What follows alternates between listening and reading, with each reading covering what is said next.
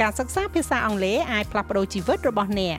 អ្នកអាចបង្កើនចំណេះដឹងភាសាអង់គ្លេសរបស់អ្នកនិងសិក្សាអំពីវប្បធម៌អូស្ត្រាលីក្នុងពេលតែមួយជាមួយនឹង SBS Learn English ស្ដាប់បានគ្រប់ទីកន្លែងតាម podcast របស់អ្នក sbs.com.au/ ខ្មែរ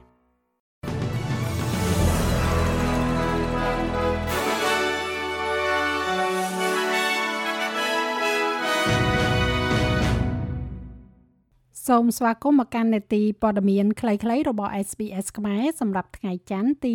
26ខែកុម្ភៈឆ្នាំ2024ប៉ូលីសរដ្ឋ New South Wales និយាយថាពួកគេកំពុងតែបន្តធ្វើនៅអ្វីៗគ្រប់យ៉ាងដែលពួកគេអាចធ្វើទៅបានដើម្បីស្វែងរកសាកសពគូស្នេហ៍ដែលមានការចោទប្រកាន់ថាត្រូវបានបាញ់សម្លាប់ដោយមន្ត្រីប៉ូលីសបម្រើការម្នាក់ ស្នងការរងលោក Dave Hudson មានប្រសាសន៍ថាប៉ូលីសបានកំណត់អត្តសញ្ញាណអចលនទ្រព្យមួយនៅ Bungonia ដែលមានទីតាំងជិត30គីឡូម៉ែត្រភាគអាគ្នេយ៍នៃ Goulburn ដែលពួកគេជឿជាក់ថាជាកន្លែងដែលលោក Jesse Bird និង Luke Davis ត្រូវបានគេសម្លាប់នៅទីនោះលោកស្នងការរងនិយាយថាពួកគេកំពុងតែឆែកឆេរផ្ទះនោះយ៉ាងម៉ត់ចត់ប៉ុន្តែក៏កំពុងតែស៊ើបអង្កេតទៅលើទ្រឹស្ដីដែលថា ជនជាប់ចោតបានត្រឡប់ទៅយកសាកសពនោះវិញហើយបោះចោលនៅកន្លែងផ្សេងលោកនិយាយថាបរិះដែលជាប់ចោតពីបទឃាតកម្មនេះកំពុងតែចាត់សកម្មភាពទៅតាមអ្នកផ្ដាល់ដំបូន្មានផ្លូវច្បាប់ហើយមិនបាននិយាយប្រាប់ពួកគេអំពីទីតាំងសាកសពនោះទេងាកមកមើលការបោះឆ្នោត by election នៅតំបន់ដាំងលីវិញ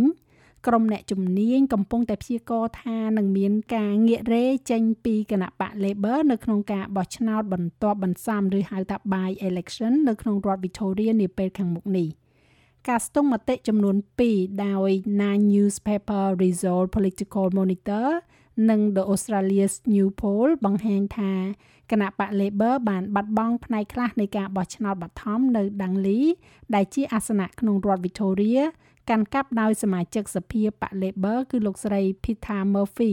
រហូតដល់លោកស្រីទទួលមរណភាពដោយសារតែជំងឺមហារីកសូដន់កាលពីឆ្នាំមុនការស្ទង់មតិឃើញថាគណៈបកចម្រុះទទួលបាននៅការគ្រប់គ្រង37% ទល់នឹងគណៈបក Labor នៅសល់34%គណៈដែល News Poll បង្ហាញពីគណៈបកចម្រុះនាំមុខ36%បើធៀបទៅនឹងគណៈបក Labor នៅ33%សមាជិកប្រសិទ្ធិលោក Murray Watt បានបន្ធូរបន្ថយលទ្ធផលនេះដោយនិយាយថា ការបោះឆ្នោត by election តែងតែមានភាពលំបាកសម្រាប់រដ្ឋាភិបាលដែលកំពុងតែកាន់អំណាចចុងក្រោយនេះគឺស្ដីពីការដាក់ទណ្ឌកម្មទៅលើរុស្ស៊ី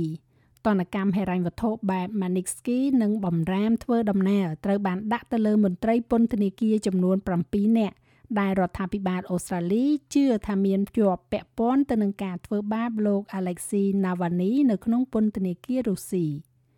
លោកឧបនាយករដ្ឋមន្ត្រី Richard Marles និងជំនួយការរដ្ឋមន្ត្រីការបរទេសគឺលោក Tim Watts បានចេញនៅសេចក្តីថ្លែងការណ៍រួមមួយបញ្ជាក់ពីការដាក់ទណ្ឌកម្មនេះ។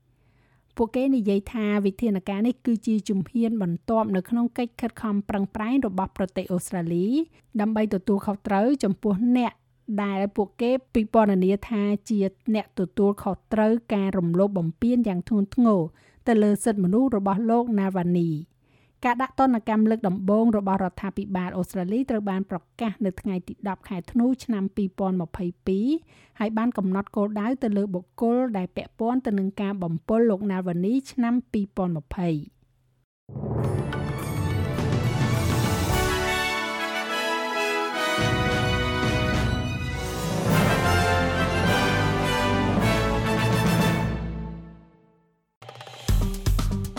ចុច like share comment និង follow SPS ខ្មែរនៅលើ Facebook